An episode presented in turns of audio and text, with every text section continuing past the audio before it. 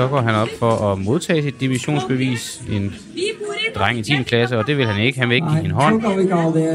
Nu bliver rektoren hisig. Bor i Norge, siger hun. Ja, der giver man altså hånd af det, hun insinuerer, som drengen nægtede at gøre.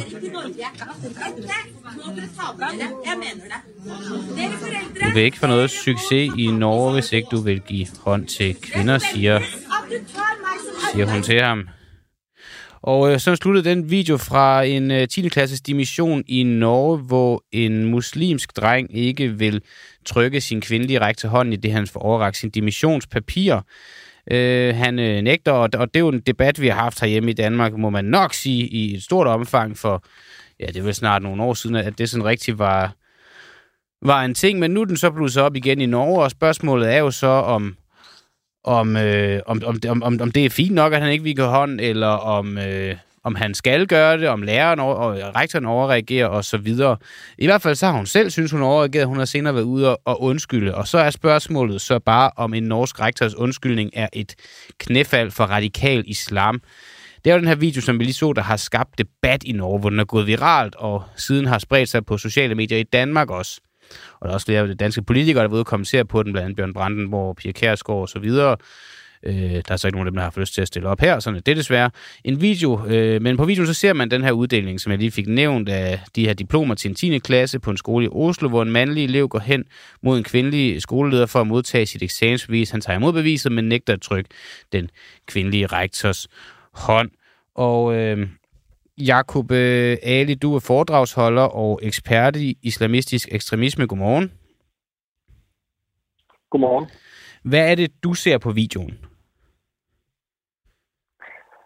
Øh, jeg ser en, en form for magtdemonstration. Øh, jeg ser en rektor øh, i knæ og øh, frustreret. Og man kan jo, altså jeg, jeg kan tydeligt mærke, at den, øh, hendes reaktion er ikke en pudsig reaktion, fordi hun ikke får hånd. Jeg kan mærke, at der ligger noget andet bag. Fordi øh, man har oplevet tidligere, hvor, hvor, hvor rektor og lærer ikke har forhånd, men de har ikke reageret så voldsomt. Mm. Øhm, og øh, hvis man også lægger mærke til på videoen, så er hun altså meget alene. Altså, jeg ser ikke andre der op med hende. Øhm, så, og kigger man rundt på eleverne, så, så er de fleste, hvis ikke alle sammen, øh, øh, anetnisk end, øh, end norsk i det her tilfælde. Når... Øh, Ja, undskyld, det var mig, der kom til at afbryde ja. dig, men det er bare det, jeg vil spørge om, når du, når du kalder det for en, en magtdemonstration.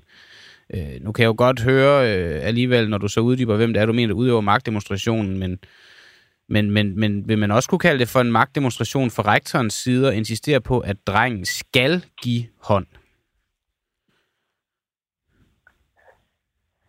Øhm, jeg, vil, jeg vil ikke kalde det i det her tilfælde. Jeg okay. tror, når jeg, når, også fordi jeg, når, når, jeg ser på, når jeg ser på øjeblikket, når jeg ser på den reaktion, der kommer, øh, i og med, at drengen nægter at give hånd, når jeg ser på reaktionen, der kommer fra ham, når han tør sin hånd af på sig selv, efter at han øh, øh, ved et tilfælde er kommet til at røre hende, mens de kommer i håndmængde, Øhm, øh, så er for mig set, altså det her det er en reaktion fra ham, fordi da han har så meget opbakning rundt om. Øh, og jeg tror ikke, øh, jeg har set selv tilfælde af, hvor, hvor vi har haft øh, i mit tidligere miljø, at, at unge, når det, er, når det er privat og skal give hånd til en kvinde, så altså i de fleste tilfælde gør de det. Mm. Men når de er sammen med deres venner, når familien er til stede, når der er mange, der står og kigger på, øh, så bliver det en helt anden øh, på grund af det sociale kontrol, der er. Øh, og vi skal også huske på, at vi ved ikke, øh, øh, hvordan de har haft det med den her rektor hele året. Øh, så det kan også være, at fra drengen, de har måske, han har måske oplevet nogle ting, som man ikke har været helt tilfreds med, så er det en form for hævn. Ja, ja, der, der, kan ligge meget, øh, der kan jo ligge meget bag den her video. Nu skal jeg lige huske at nævne, at du har været en af Danmarks mest toneangivende islamister, der rekrutterede unge mænd. I dag så har du så vendt det militante islamistiske miljø ryggen. Men med din baggrund, øh, nu, du når også lige selv lige kort at sige det nu her, at, at, at, at nogle gange, altså det kan være, at han at han har haft oplevet et pres fra nogen i salen til at skulle agere, som han gør, det ved vi heller ikke. Men, mm. men hvad, altså, hvad kan årsagen være til det her? Jeg tænker bare, er det her i dine øjne en dreng, der er hjernevasket? Nej, det vil jeg ikke kalde det. Mm. Det vil jeg ikke kalde det. Øh, også, også fordi det her med ikke at give hånd til det modsatte køn er noget meget essentielt øh, en del af, af islam. Det er meget klart i teksterne, at det må man ikke. Øh, og det er noget, som, som, som sagt øh, er et påbud for alle muslimer. De skal følge det. Øh, så jeg vil ikke sige, at han er hjernevasket. Der, hvor vi snakker om hjernevasken, det er, når man går til meget ekstrem. Okay. Øh, som eksempelvis jeg øh, jeg var i øh, før i tiden. Um, men jeg tror, man skal lægge mærke til det sociale kontrol, der er her. Og her vil jeg gerne øh, øh, sige klart og tydeligt, social kontrol handler jo ikke om, at han har, han har fået at vide hjemmefra, at du må ikke give hånd på den her dag. Det er noget, det, det er en gruppedynamik. Det er noget, som man ved, og det er uskrevne regler. Der er nogle ting, som er uskrevet, men man ved det på forhånd. Man ved, hvad man skal gøre, hvad man, man skal sige. Øh, og det tror jeg også spiller en stor rolle i det, og derfor han modtager klapsalver efterfølgende. Der er rigtig mange, der griner, der er rigtig mange, der... Og det tror jeg også, det der gør det endnu værre. Øh, sagen gør endnu værre. Der er jo ikke nogen, der, der stiller sig op for rektoren og siger, prøv her, tag, tag, tag dig ind lige sammen. Det er uh, og vise lidt mere respekt. Altså, han modtager opbakning. Hvis nu, uh, må jeg spørge om noget? Så, så, ja. Det er bare, ja. hvis, nu, hvis nu han ikke havde været en muslimsk dreng, men havde været en, en, en anden øh, dreng, en, en kristen dreng eller en ikke-religiøs dreng, øh, som havde nægtet at give sin øh, rektor hånden, så vil man måske sige, at han var dårligt opdraget. Men du er helt derude at tale om social kontrol, fordi at han er muslim. Det handler ikke blot om dårlig opdragelse, ja. det her, eller hvad? Uh, nej, det vil jeg ikke sige. Jeg vil ikke sige, at, at en person, der får at vide, uh, for vi har religionsfrihed, så dreng, øh, i Danmark, vi, vi, vi har øh, folk, der ikke giver hånd grundet religion. Så, og, vi, og, og, og respekt for deres valg kan jeg ikke kalde det for dårlig opdragelse. Mm. Øh, og grund til, at jeg siger social kontrol, det er på grund af min egen viden omkring det miljø.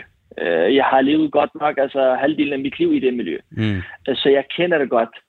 Øh, jeg ved, hvorfor man gør sådan, som man gør. Også fordi, altså, det er jo ikke, det er jo ikke, det er jo ikke noget privat. Det er jo ikke øh, på enkelt, enkeltmandhold, at han nægter at, at give hende hånd. Det er så et, et, en stor scene, og måden det bliver gjort på, og den opbakning, der kommer efterfølgende, klapsalver og så videre, det, det, det er jo lignende ting, der, der, der, der bakker op om, at der er noget, der, det er en del af det her social kontrol, der bliver udøvet her. Hvorfor, øh, hvorfor er det så vigtigt, at, at han giver hånd? Altså for mig set, jeg er øh, fuldstændig ligeglad, om han giver hånd eller ikke gør. Okay. Øh, og og det, det, det, det er vigtigt at pointere. Det der, det der, det der for mig, øh, det, det der, kan man sige, forarver mig, det er det efterfølgende, der sker. Det er jo, at okay, en ting er, at du ikke giver hånd øh, som jeg i, i bund og grund synes, at de, de burde have snakket om det her inden det her ceremoni. De burde have sat sig ned og sagt, du hvad, vi giver ikke hånd, kan vi gøre noget andet. Så du heller ikke bliver udmydt foran folk, og du trækker hånd, og jeg giver dig hånd. Men det er det efterfølgende. Det er klapsalmerne, mm. det er hans smil, eller det er også den måde, hvis man lægger mærke til på videoen, altså hun rækker hånden ud, men han øh, hiver papirerne ud af hendes hånd.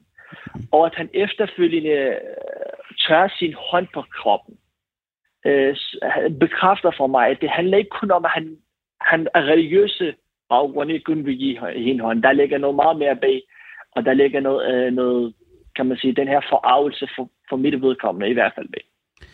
Øhm, er det i så fald en fejl, at rektoren så går ud og undskylder bagefter for sin opførsel? Øh, jeg kan sagtens forstå, altså, at, at hun, hun undskylder. Fordi jeg synes heller ikke, at måden øh, rektoren reagerer på fysisk i år, øh, det her med, at de kommer i hånden, og hun forsøger, jeg ved, jeg ved ikke rigtigt, hvad det er, hun forsøger på. Jeg har hørt forskellige teorier. Uh, nogle siger, at uh, han, uh, hun forsøger at tvinge ham til at give hende hånden, og nu siger hun forsøger at tage papirerne ud af hånden af ham igen. Uh, om det ene eller det andet, uh, så synes jeg ikke, at en rektor skal agere sådan overhovedet uh, over for en idiot.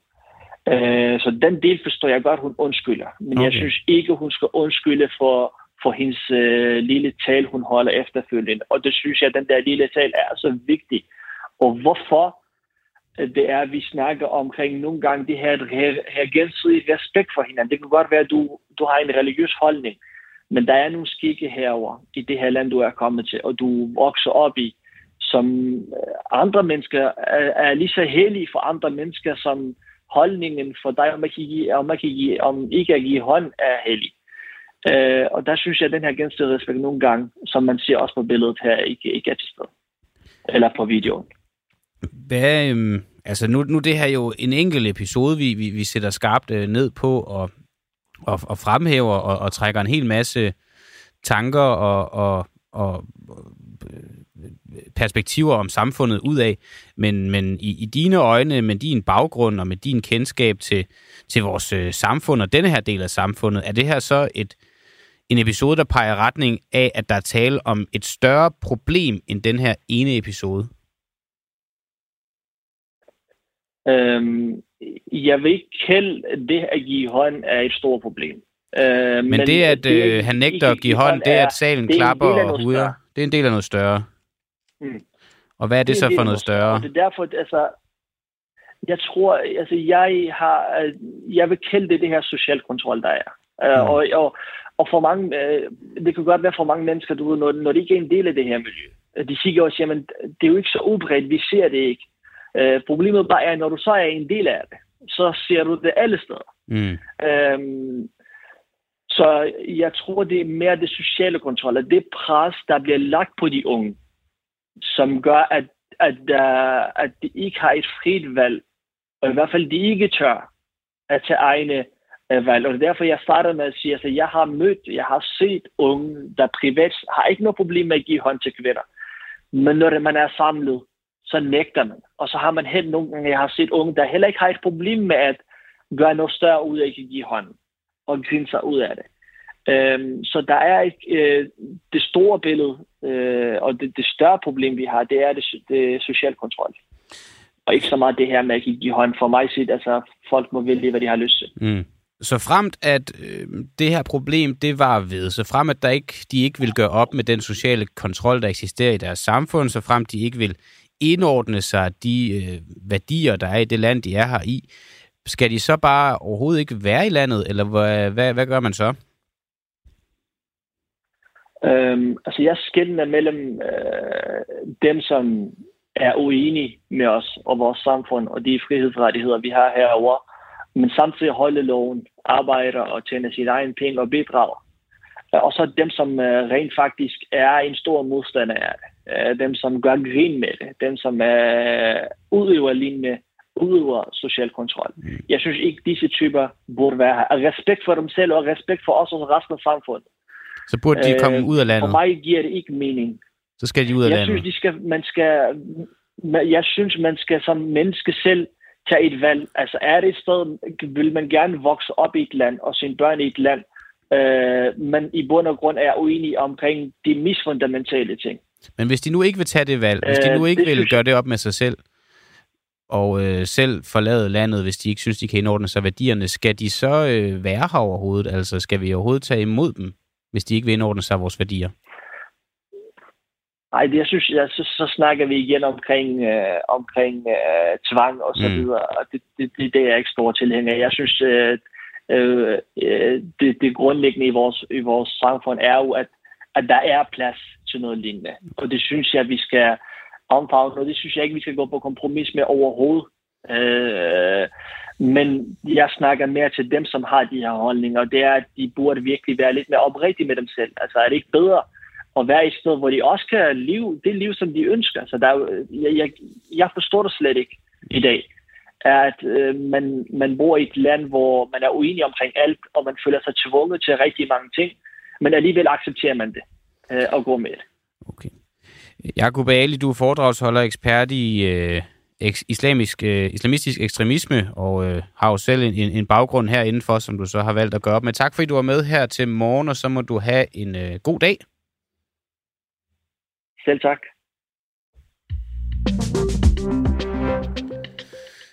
Ja, og øh, godmorgen til jer, der øh, er derude. Det er jo dig, Jakob Lund, blandt andet. Du skriver morgen derude Henrik Udengård Sørensen skriver, godmorgen. Tim M. Olsen skriver, hola. Det er jo en det er jo den spanske goddag, øh, eller godmorgen. Øh, og øh, John Havgård, du siger godmorgen på, øh, på, på, på dansk. Og øh, ja, man kan jo sådan set sige godmorgen på lige det sprog, man har lyst til. Der er jo bare en risiko for, at jeg ikke forstår det, hvis det er, at I skriver et eller andet Øh, sørøversprog eller piratsprog, eller hvad det nu hedder. Men, men dejligt, at I lytter med. Og vi, vi sætter jo lige lidt skarpt her øh, til at starte med på den her udsendelse, i den her udsendelse på, på den her, det her i Norge. Og, og som vi jo også prøver på at, at finde ud af, så er det, om det her det er en del af et større problem, eller om det bare er en enkelt episode, hvor at en, en dreng ikke vil give hånd. Og hvorfor er det så, at han ikke vil give hånd? Er det bare fordi, at han trods trodsig over for læreren? Er det fordi, at han er dårligt opdraget? Hvad, hvad handler det her om? Er det hans islamiske rødder? Øh, der, er mange, der er mange veje, man kan gå i den, og det er jo øh, i hvert fald det, som øh, interviewet her med Jacob Ali peger imod, det er en eller anden form for social kontrol i, i hans øjne. Og øh, nu skal vi øh, tale videre om den her video. Vi skal tale med en her lige om ganske kort øjeblik, der hedder Christian Markusen, der er skribent på Berlingske og medlem af det danske integrationsråd. Og vi vil jo også rigtig gerne have haft nogen fra venstrefløjen på omkring det her. Men det har sådan set været så godt øh, som umuligt. Vi har både fået nej fra både SF og, og Enhedslisten til at stille op om det her. Vi har også kontaktet øh, folk, der ikke var politikere, men er en del af øh, venstrefløjens sådan, øh, politiske øh, holdninger i, i den offentlige debat, men de har heller ikke haft lyst til at, at stille op. Og hvis vi måske bare lige Christian Markusen skulle starte på den, hvorfor tror du så, at at vi har fået øh, nej fra så mange på at stille op til et interview om det her fra Venstrefløjen. Er det en farlig debat for Venstrefløjen? Godmorgen. Øhm, ja, det er der i hvert fald noget, der tyder på. Øh, og generelt historisk set kan man sige, at det her jo noget, der er øh, svært for venstrefløjen at tale om. Det er svært at tale om, at der kan være minoriteter, altså folk, som i venstrefløjs øh, forstand er, er udsatte, at de på en eller anden måde også kan handle på, på måder, der er øh, nogen, som vi skal kritisere. Mm. Det, kan, det, kan, det, kan være, det kan være svært, og det kan være sådan noget, der er på spil her. Okay. Men, øh, og ja, godmorgen til dig også, jo. Hvis, øh, hvis vi så lige skal starte, øh, jeg vil godt øh, prøve at høre, hvad er det, du ser på videoen? Jamen, øh, jeg ser en, en, en dreng, som er øh, har en, en noget anden kulturforståelse, en noget anden religion, en noget anden, øh, nogle andre værdier, end, øh, end, end der hersker i Norge som, øh, som nægter at øh, hvad skal sige, indordne sig eller spille efter de øh, almindelige spilleregler, som der nu er i Norge, og den måde, vi, man, man gør tingene på i Norge og i, og i Danmark.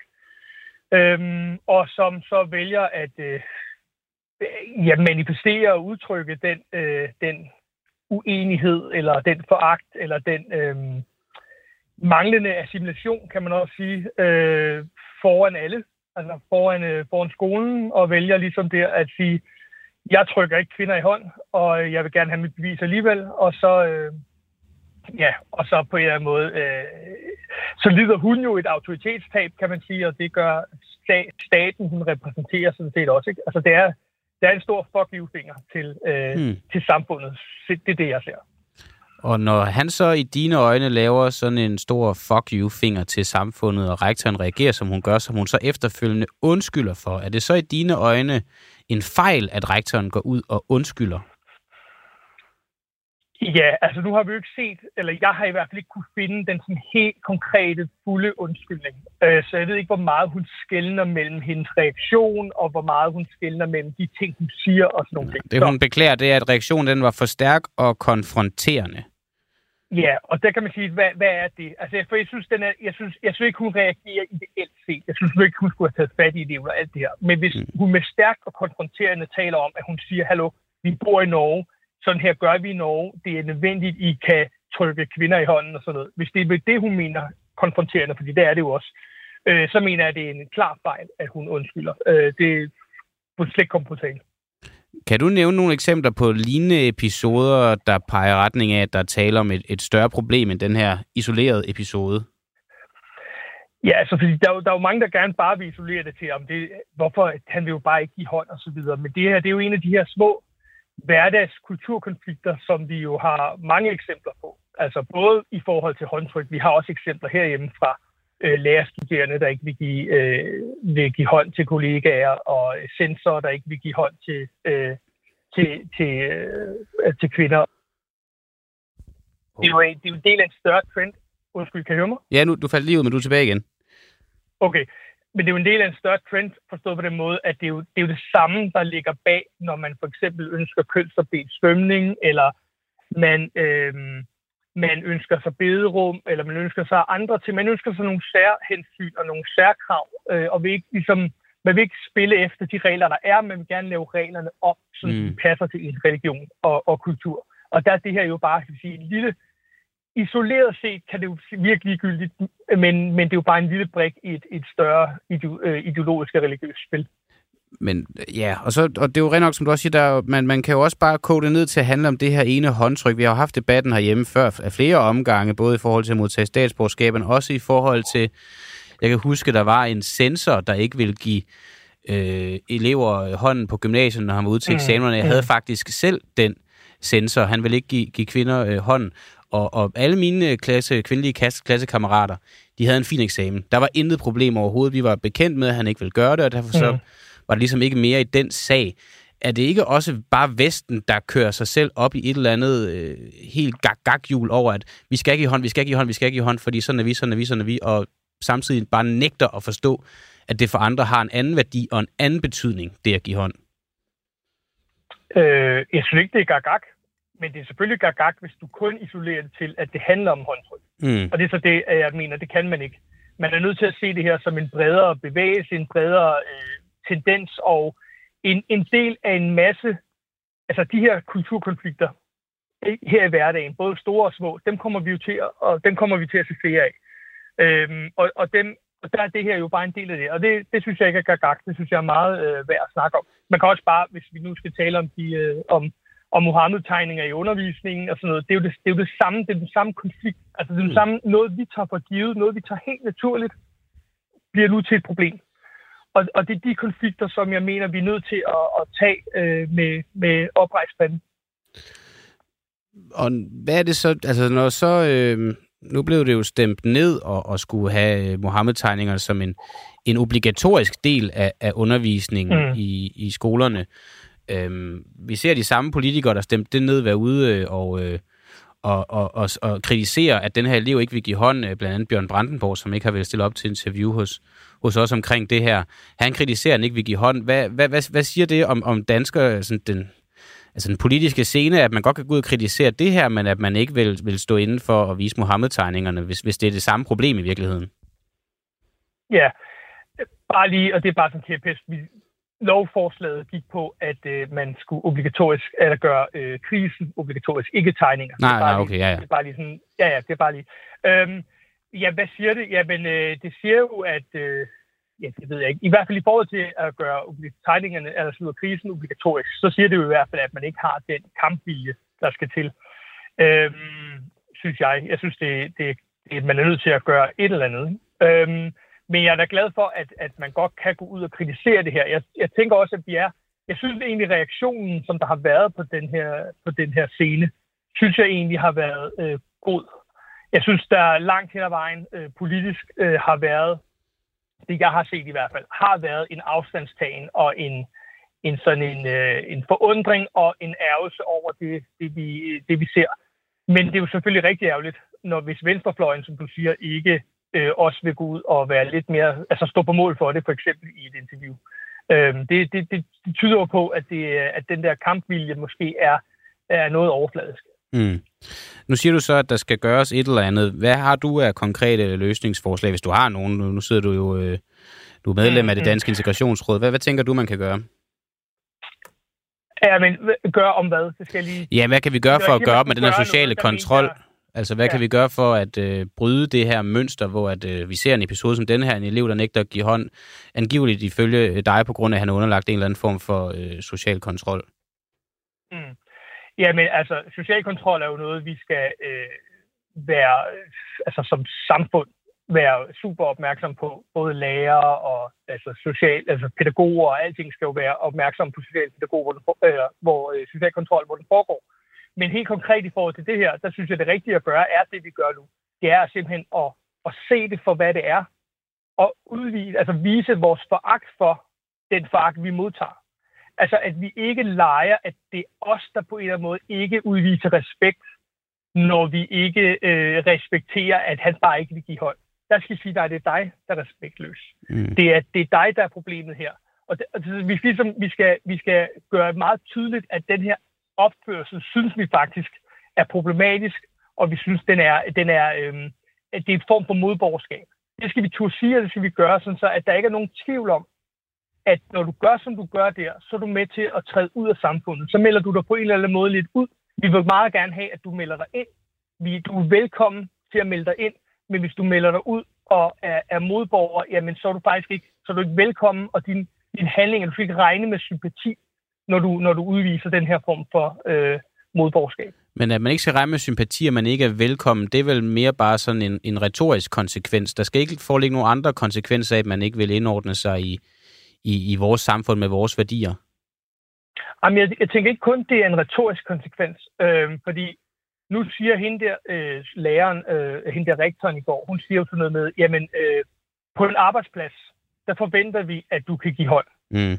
Så kan man sige, hvis vi alle sammen er enige om den forventning, og hvis vi alle sammen er enige om at udskamme øh, dem, der ikke vil den slags, og dem, der ligesom øh, melder sig ud, jamen så kan, det jo, så kan det jo have nogle legitime konsekvenser på en arbejdsplads. Det kan have nogle legitime konsekvenser, øh, at når du ikke, når du ikke indordner på den måde, ikke lovgivningsmæssigt, men, men sociale konsekvenser.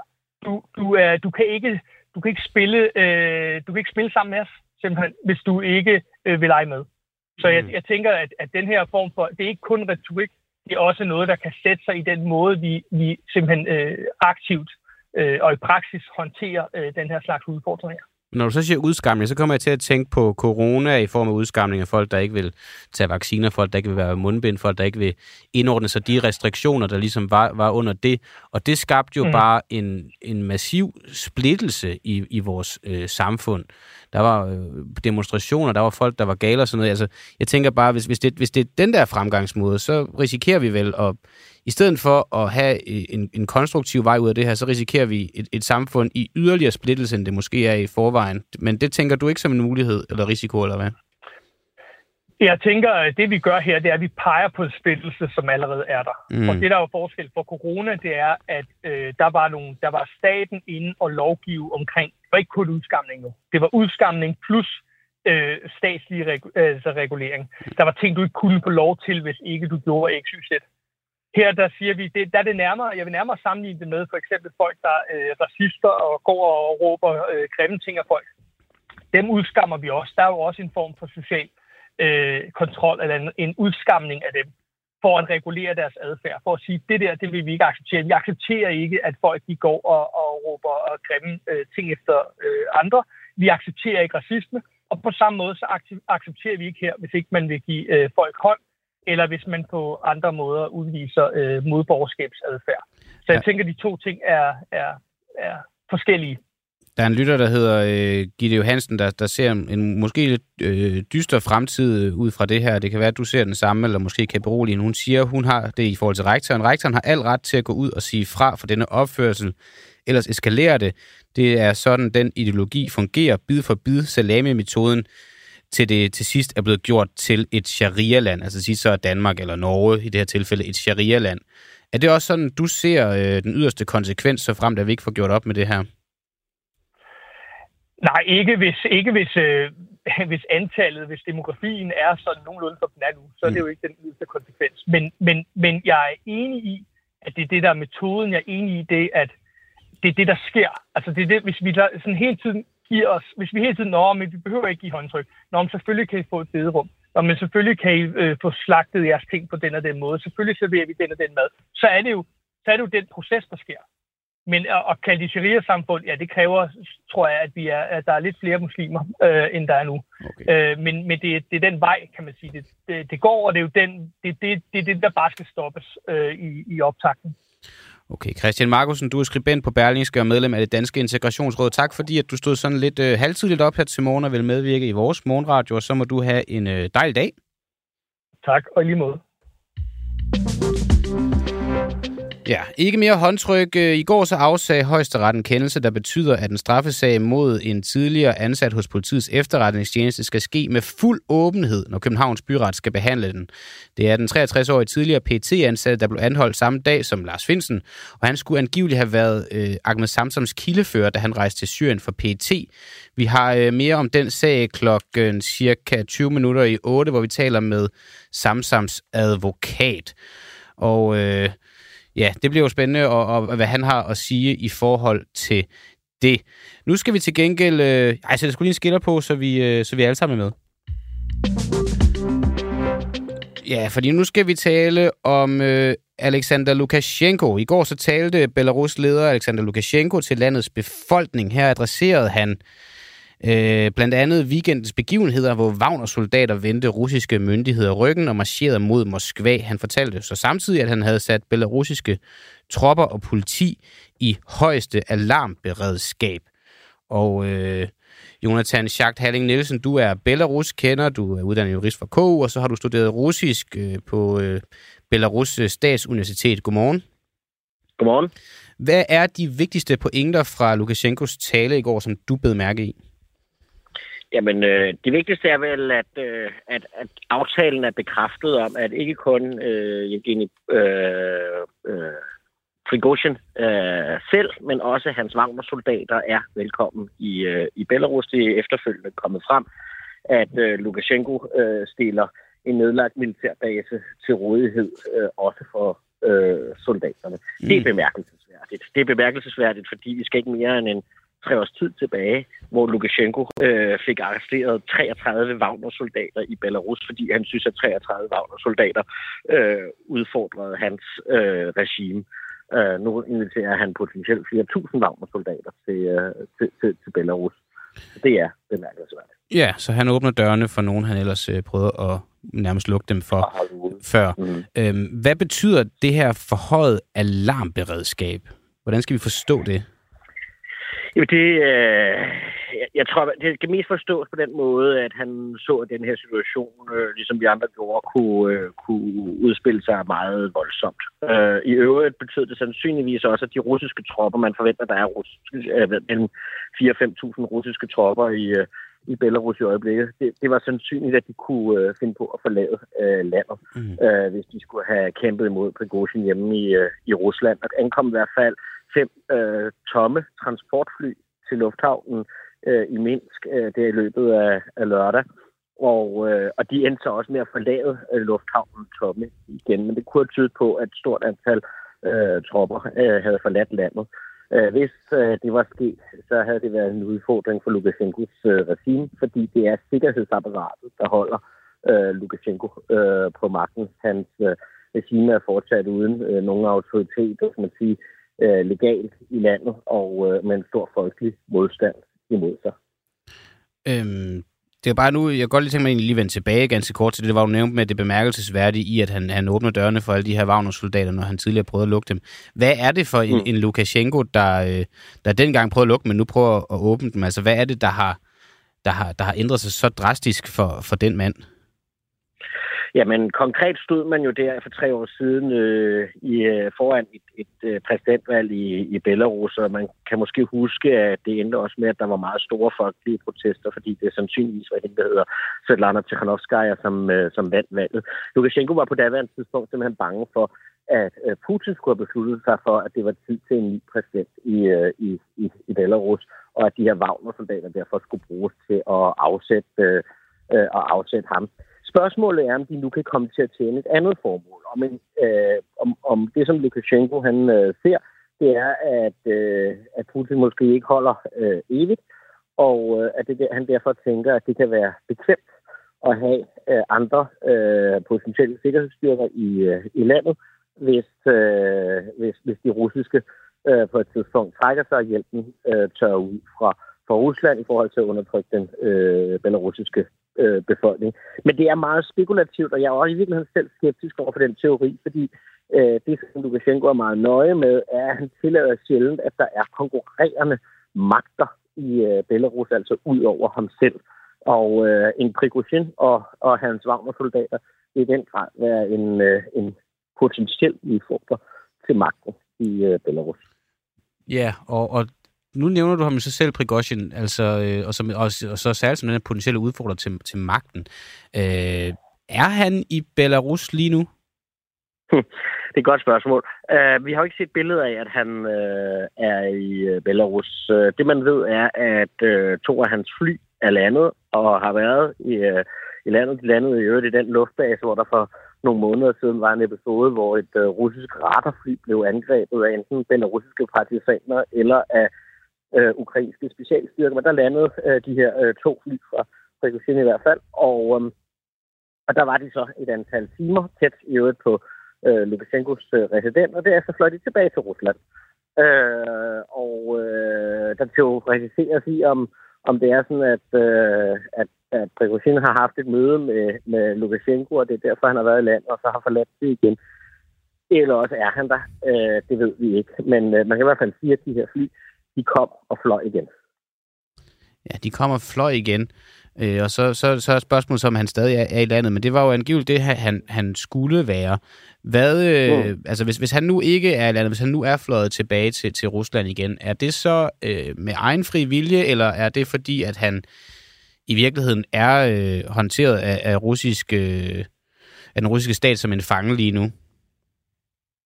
Nej, det tror jeg ikke, der er noget, der... Det, jeg har i hvert fald ikke set noget, der tyder på, mm. at han er. Øh, der har jo heller ikke været dokumenteret, at, at russiske myndigheder på den måde har fat øh, i ham, og det tænker jeg da nok, at de ville gøre, hvis det var, hvis det, var det, øh, der var, var tilfældet omvendt.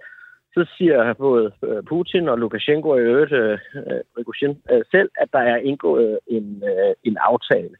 Øh, men de har jo ikke for, det, for, for så vidt sagt noget om præcis, hvornår den aftale skal effektueres, og hvad der i øvrigt er betingelserne øh, i den. Og selvom Lukashenko gav et meget lang øh, tale, øh, i går, hvor han redegjorde for forløbet, så var det først og fremmest, så skal man sige, tonen i forhandlingerne over, over dagen. Han, øh, han talte om for eksempel, hvor mange bandeord, der var blevet brugt mm. i samtalen mellem ham selv og, og Prigozhin. Øh, hvad hedder det? Men, øh, men han kom ikke ind på detaljerne i, hvad var der forhandlet om, og hvad det var det konkret, der var blevet aftalt mellem parterne. Og det er jo så... Øh når vi, når vi nu er, er, er i den boldgade, så kunne jeg også godt tænke mig at spørge dig om, fordi det er det, vi har spurgt de andre øh, kilder og eksperter på, på emnet her om, i forhold til Lukashenkos rolle som, som fredsmæler. Er det mm. i dine øjne en, en sand fortælling, at, at han ligesom malede freden mellem Prigozhin og Putin, eller ligger der noget andet bag? Han kom med en ret øh, detaljeret forklaring øh, på det, på det her, øh, den her, det var ikke et pressemøde, men han var i hvert fald til rådighed for pressen mm. øh, i, øh, i Minsk i, i går, hvor, hvor, hvor det handlede meget om, om tonen øh, imellem de forskellige parter. Han i virkeligheden beskrev øh, både Prigozhin og, og Putin som værende ekstremt følelsesstyret under hele denne her øh, situation. Selvfølgelig beskrev han sig selv som den, der holdt hovedet koldt, øh, og, øh, og der er ingen nogen tvivl om, at den rolle, vil han også gerne øh, bygge op om sig selv. Øh, den bygger på, på, på den rolle, han tog i 2014, hvor der blev forhandlet de her Minsk-aftaler, der skulle øh, stoppe den første russiske invasion af Ukraine. Øh, om, om der kan være andre, der har, øh, der har øh, tænkt, at det var belejligt. Det er ham, der fik øh, lov at være mellemmand øh, på det, for at der ikke var nogen, der skulle få en stor stjerne ud af det internt i, øh, i Rusland. Det må guderne vide, men man kan i hvert fald sige, de første, der meldte ud, at der var lavet en aftale, det var faktisk den belarusiske øh, Lukashenkos, øh, hvad hedder det, øh, egen presservice. De var de første, der meldte ud, at der var lavet en aftale, og at Wagner ville stoppe sit fremtog mod øh, Moskva. Mm. Efterfølgende kom det så fra Peskov, Putins øh, talsmand, og så kunne man se det på, øh, på jorden. Så noget tyder på, at de har været meget tæt på forløbet, for de var i hvert fald de første, der kunne dele konkret efterprøvbar viden om, hvad der foregik. Okay. Jonathan Schacht Halling Nielsen, Belarus kender, tak fordi at du var med her til morgen, og så må ja. du have en uh, rigtig god dag. I lige måde. Tak. En hurtig nyhed, der lige er tikket ind her til morgen, som jeg tænker, at det næsten vil være synd, synd og snyde jer for, øh, det er, at fra 1. januar 2024, så vil levering af post overgå til markedet, men staten vil stadig være forpligtet til, at alle i Danmark kan få og sende breve. Og øh, ja, hvad handler det her så om? Det er en ny politisk aftale om et nyt system i Danmark, der er faldet på plads. Aftalen den betyder, at befordringspligten ophører, og at borgerne kan se frem til et, et friere valg, et friere postmarked. Sådan lyder det i en pressemeddelelse fra de partier, der sammen er nået til enighed om en aftale for fremtidens postmarked. Det er jo regeringen, Socialdemokratiet, Venstre og Moderaterne, Liberal Alliance, det konservative Folkeparti, det radikale Venstre, Alternativet og Nye Borgerlige, der står bag aftalen. I dag så tager det danske postsystem afsæt i befordringspligten, og det betyder så, at der udpeges en postvirksomhed til at tilbyde en landsdækkende postomdeling. Og øh, det har øh, gennem de øh, seneste år været øh, Post øh, Danmark, et underselskab på Snor, der har løftet den opgave, men som det er nu, så skal det ikke være længere. Det, øh, det skal laves om, det er vedtaget af politikerne. Og det er jo som sagt fra fra 1. januar 2024, at levering af post vil overgå til markedet, ligesom det i dag for eksempel er tilfældet med, med pakker, når du får noget fra, fra GLS eller Bring, eller hvad det ellers hedder alt sammen. Ja, og som jeg lige nævnte øh, for godt øh, 20 minutter siden, så blev der i går øh, afsagt en kendelse i højesteret, der betyder, at en straffesag mod en tidligere ansat hos politiets efterretningstjeneste skal ske med fuld åbenhed, når Københavns byret skal behandle den. Erbil Kaya, du er advokat for den øh, terrordømte Ahmed Samsam. Godmorgen. Ja, godmorgen. Hvad har denne her øh, sag mod den tidligere ansatte hos PET at gøre med din sag øh, om Ahmed Samsam? Det er jo det jeg gør med, med, med Samsam-sagen, at, øh, at øh, min klient tidligere kildefører, som det jo så er, øh, han er blevet tiltalt for at lægge oplysninger af magten Samsam og i virkeligheden sat gang i Samsung-sagen givet den liv og, og har gjort, at, at vi har haft et håb om, at, at det her det vil ende på en god måde. Øhm, og nu må vi så se, hvordan det hele det ender. Men, men det, at han at højstræk siger, at man ikke vil lukke dørene, øh, men at det skal ske konkret, hvis det overhovedet skal ske, men øh, det kunne måske give håb om, at han kommer til at afgive øh, forklaring på åbne døre. Og det ja. kan selvfølgelig have en betydning for min klientsag. Ja, og det er så den betydning. Hvad, hvad er det for en betydning, det vil have? Altså om dørene er lukkede eller åbne, eller hvad de er, så skal vi vel have tiltro til, til retssikkerheden i landet. Men hvad er det, der er anderledes ved, at dørene er åbne, end hvis de havde været lukket for din klient? Altså, hvis det kører for lukkede døre, så øh, vil den 63-årige afgive en forklaring, som ikke vil komme til øh, offentlighedens kendskab, og derfor vil det heller ikke være noget, som vil være brugbar i vores sag. I modsætning til, at øh, hvis, det, hvis man åbner døren, og han afgiver en forklaring på åbne døre, jamen så vil det, øh, det hensyn, der vil være til ikke at lade ham afgive en forklaring i samfundssagen, den vil ikke være til stede. For det er sådan, at vi har bedt om, at den 63-årige kommer ind og afgiver en forklaring, og det har øh, landsretten så sagt, nej, det øh, kan ikke lade sig gøre, fordi at han er underlagt en tavspligt, og den tavspligt vil PT ikke ophæve. Mm. Og det er klart, at hvis han skal afgive forklaring på åbne døre, jamen så er der ikke længere noget hensyn at tage til tavshedspligten, og det vil måske kunne betyde, at han vil kunne afgive en forklaring i Samsung-sagen. Så er det her så en, en måske potentielt forløbig øh, lille sejr for, for jer i, i en sag, som jeg jo ved øh, har trukket nogle tænder ud? Altså man kan sige, at det er en, det er en sejr for retsstaten, uanset hvad det her det ender med. Om, øh, fordi vi, vi har også hørt noget mere, at anklagemyndigheden jo har, har sagt, at det kan være, at man slet ikke kan føre de her sager, hvis de skal føres for åbne døre. Mm. Øh, så, så uanset hvad, er det, en, er det en sejr for retsstaten, at man ikke øh, fører processer for lukkede døre. Øh, men, men, men det giver da et håb, øh, det, det, det skal jeg da medgive. Men altså, vi har jo haft et håb før om en undersøgelseskommission, hvor samtlige partier før, før valget og under valget i hvert fald under valget sagde, at øh, man ville undersøge øh, Samsung-sagen i en undersøgelseskommission, og da mm. regeringen så blev dannet, så blev det noget helt andet. Så, så vi har øh, for længe øh, mistet øh, realisme, eller hvad hedder det, håbet i den her sag i forhold til, at vi får hjælp nogen som helst steder fra. Så det er ved egen kraft, at det, det skal ske. Er du glad for, at det ikke er politikere, der er en del af, af den her beslutning her lige nu om de her åbne døre, sådan at du ikke skal være bange for, om de laver det om igen efter for godt befindende? Ja, Øh, ja, men man kan sige, at øh, med, med de ting, der sker, øh, altså, øh, vi, vi, vi siger jo, at der Samsung er blevet udsat for et justismord. Det siger den 63-årige mand jo også øh, mm. fra PT, og det siger mange inden for systemet og uden for systemet, og det siger det råber jeg op, alle op om.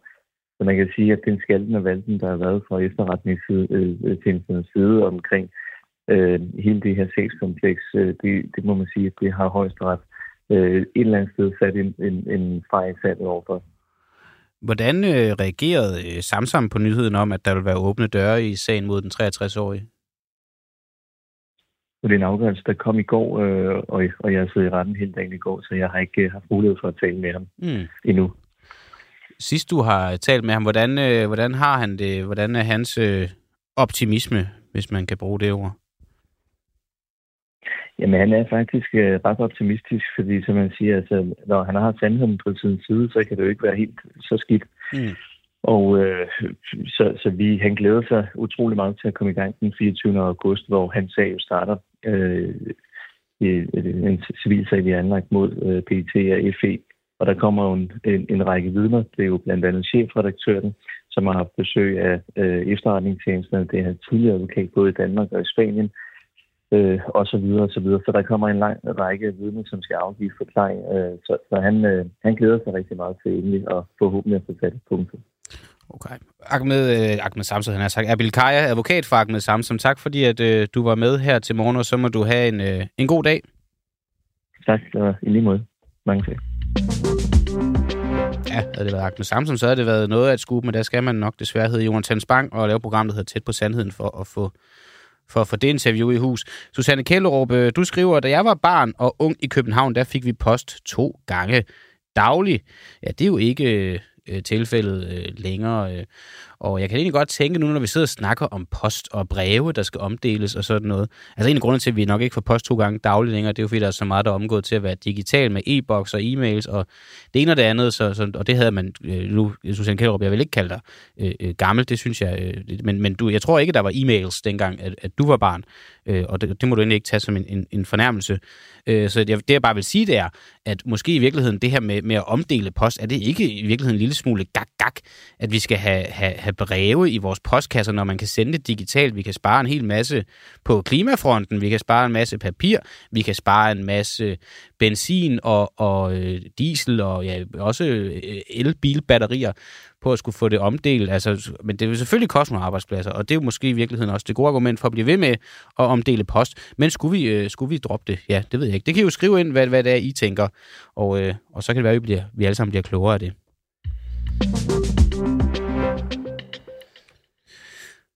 Øhm, hvis vi lige skal tage en, en, en hurtig nyhed mere, øh, så det er jo noget, der falder i øjnene hos mig. Øh, fordi at jeg har været en af dem, der har betalt mere i, i el og energi, end jeg ellers har gjort før, øh, før krisen. Og øh, det tænker jeg også, at, at du er. Du er en af dem, der måske har fået lidt færre penge mellem, mellem fingrene, fordi du har skulle afgive et større beløb for at kunne tænde lyset i din lejlighed eller dit hus. Men nogen, der til gengæld har fået flere penge mellem fingrene, det er øh, ansatte i øh, et øh, meget stort energiselskab, fordi deres gennemsnitsløn den er nemlig tredoblet. Det er alle ansattes, efter de har haft et milliard overskud. Og virksomheden, det er Nordlys Energi Trading, der fik et rekordoverskud i 2022 på 4,2 milliarder kroner før skat. Og det gode resultat, det er så drøbet af på de 121 medarbejdere, der i gennemsnit har fået 2,9 millioner kroner i løn, øh, plus bonus og pension. Året inden så lød det tilsvarende beløb for medarbejderne på 1 million, skriver nyhedsmediet Finans. De har altså fået godt, ja, de har faktisk fået godt tredoblet deres, deres løn, og øh, så har de jo heldigvis noget, de kan betale, øh, når de skal øh, betale deres øh, høje elregninger, for deres elregninger er vel også blevet større, men de har så til gengæld også fået flere penge mellem fingrene. Og øh, lad os bare lige tage den, tage den sidste nyhed, så har vi været hele, hele nyhedspaletten igennem, fordi USA de er klar med endnu en militær hjælpepakke til Ukraine. Det meddeler det amerikanske forsvarsministerium Pentagon. Det skriver Reuters her til morgen. Hjælpepakken den lyder på 500 millioner dollars. Det svarer til øh, lige på den anden side af 3 milliarder kroner, og omfatter landkøretøjer herunder de såkaldte Bradley kampkøretøjer, pansrede mandskabsvogne og ammunition til raketsystemet HIMARS. Pakken den omfatter nøglekapacitet til at støtte Ukraines modoffensiv og styrke dets luftforsvar og andet udstyr, der skal hjælpe Ukraine med at slå tilbage mod Ruslands aggressionskrig. Sådan lyder ordene fra Pentagon. Ja, og øh, nu skal vi tale om øh, noget, vi lige nævnte som en kort nyhed i går, og det er, at øh, Gigantfirmaet Christian Hansen dropper støtten til Pride-paraden, og så er spørgsmålet jo så bare, om det er hyggelig, hyklerisk, ikke om det er hyggeligt. I går så kunne Danmarks Radio fortælle, at Christian Hansen, der er et af Danmarks største firmaer, dropper støtten til Pride-paraden efter alvorlige trusler og aggressiv anklager. Siden juni har virksomheden haft regnbuefarvet Pride-flag på sine profilbilleder, men støtten til LGBT-miljøet er nu blevet trukket i land på grund af frygt for boykot, trusler og tab af indtægter. Jeg talte med øh, en, øh, en presseansvarlig fra Christian Hansen i går, om de havde lyst til at stille op og svare på nogle spørgsmål om, omkring deres, øh, der de har trukket støtten, men det havde de altså ikke, ikke lyst til. De mente, de havde sagt, hvad de havde at sige ude i, ude i det danske medielandskab. Det får en del kritik til gengæld, og når man nu ikke kan tale med hesten selv, så må man jo tale med dem, der kritiserer den. Og øh, en af dem, der kritiserer den, det er dig, Sune Bang. Du er selvstændig kommunikationsrådgiver. Du kalder det for hyklerisk og kynisk. Hvorfor øh, er det hyklerisk og kynisk at tage hensyn, hensyn til sine ansattes sikkerhed? Og godmorgen. Godmorgen. Øhm, jamen altså, øh, det, det vi jo taler om her i den her sammenhæng, det er, at øh, du har haft en kæmpe bevægelse, en kæmpe bølge i forhold til mange virksomheder, der øh, i højere grad giver udtryk for sine holdninger, måske ligefrem politik nogle gange, det vi kalder øh, corporate activism, Øh, og det gør man, øh, fordi at ens kommunikation ikke længere bare er kommersiel, men man også gerne vil kommunikere de værdier, man har som virksomhed, som er ekstremt vigtige for øh, medarbejdernes selvopfattelse, både at tiltrække og, og holde på medarbejdere. Og når man øh, så har haft øh, kommunikeret den her holdning et stykke tid, og at man af kommersielle årsager beslutter sig for, fordi man pludselig bliver presset eller, eller udfordret for at møde noget modstand, øh, så pludselig gå ud og kommunikere, at man ikke længere har den her holdning, øh, og, og vil give udtryk for den, øh, så synes jeg, det er en, en meget dårlig situation at sætte øh, både sig selv i, men også sine medarbejdere. Mm. Altså vi skal tænke på, her har vi haft øh, en række medarbejdere, der indtil for tre uger siden har deltaget i interviews, hvor de som LGBT plus øh, personer har været ude og fortælle om, øh, hvordan det er at være øh, LGBT plus person, øh, og den usikkerhed, det medfører. Og lige pludselig, når man så står derude på isen, så trækker, øh, så trækker man den støtte til, tilbage igen øh, som virksomhed. Og det, det, er jo, det er jo en virkelig dårlig situation at stå i. Men betvivler du, at øh, det er gjort ud fra et øh, grundlag om at tage hensyn til ansattes sikkerhed, eftersom de skulle have modtaget alvorlige trusler og aggressive anklager? Altså hvis man ser øh, hvis man ser den måde, de har kommunikeret det her på, øh, og hvor den primære øh, kommunikation har været en video fra, øh, fra den administrerende direktør, øh, hvor han fortæller om, hvorfor de gør det her, så er den primære, øh, det primære argument, det er at sikre deres markedsandele. Og det kan nogle gange være vanskeligt som, som ledelse i en virksomhed at skulle træffe sådan en beslutning, øh, og det er de ærgerlige over. Det er de så det her det er sådan en, Ja, altså det, det er på linje med, øh, hvis man nedlægger en afdeling eller fyrer øh, en stort antal medarbejdere. Øh, den måde, de kommunikerer det på, at det er trist, men det er nødvendigt for virksomhedens drift fremadrettet osv. Mm. Og her, der har vi altså her har vi at gøre med en, en stor dansk virksomhed, som øh, indtil for nylig var udnævnt som den mest øh, mangfoldige diverse virksomhed i Danmark af, af børsnoterede selskaber. Og vi har, altså, vi har jo stadigvæk øh, Novo Nordisk og Mærsk og øh, 7-Eleven og andre store amerikanske virksomheder, Mastercard, som partner til Pride. Så det er jo en vurdering, de har lavet på baggrund af den modkampagne, der er øh, i USA. Men du kalder det også, og det falder lidt i tråd med, du snakker om nu, du kalder det populistisk, og at det kun giver udtryk for holdninger, så længe det giver økonomisk vinding. Det er jo politikken, de her ord, de, de kommer frem. Men økonomisk vinding er vel Ja, det er vel, øh, om man så vil det eller ej, hele fundamentet for, at virksomheden overhovedet findes. Jo, men der har vi heldigvis udviklet os øh, sådan så, at man står på to ben i dag, at man både som virksomhed øh, skal klare sig godt, men man ikke nødvendigvis, som sågar Apple har sagt, vi skal ikke tjene øh, så mange penge, vi overhovedet kan, hvis vi gør dårligt. Øh, mange virksomheder i dag, de, øh, de skal også gøre godt for samfundet. Øh, de skal også være med til at skabe en positiv udvikling, og det kan være øh, både inden for øh, sager som øh, LGBT, øh, Black Lives Matter eller, eller andre øh, områder. Øh, men, men det, og det kan også være inden for, for klima eller miljø eller andre områder.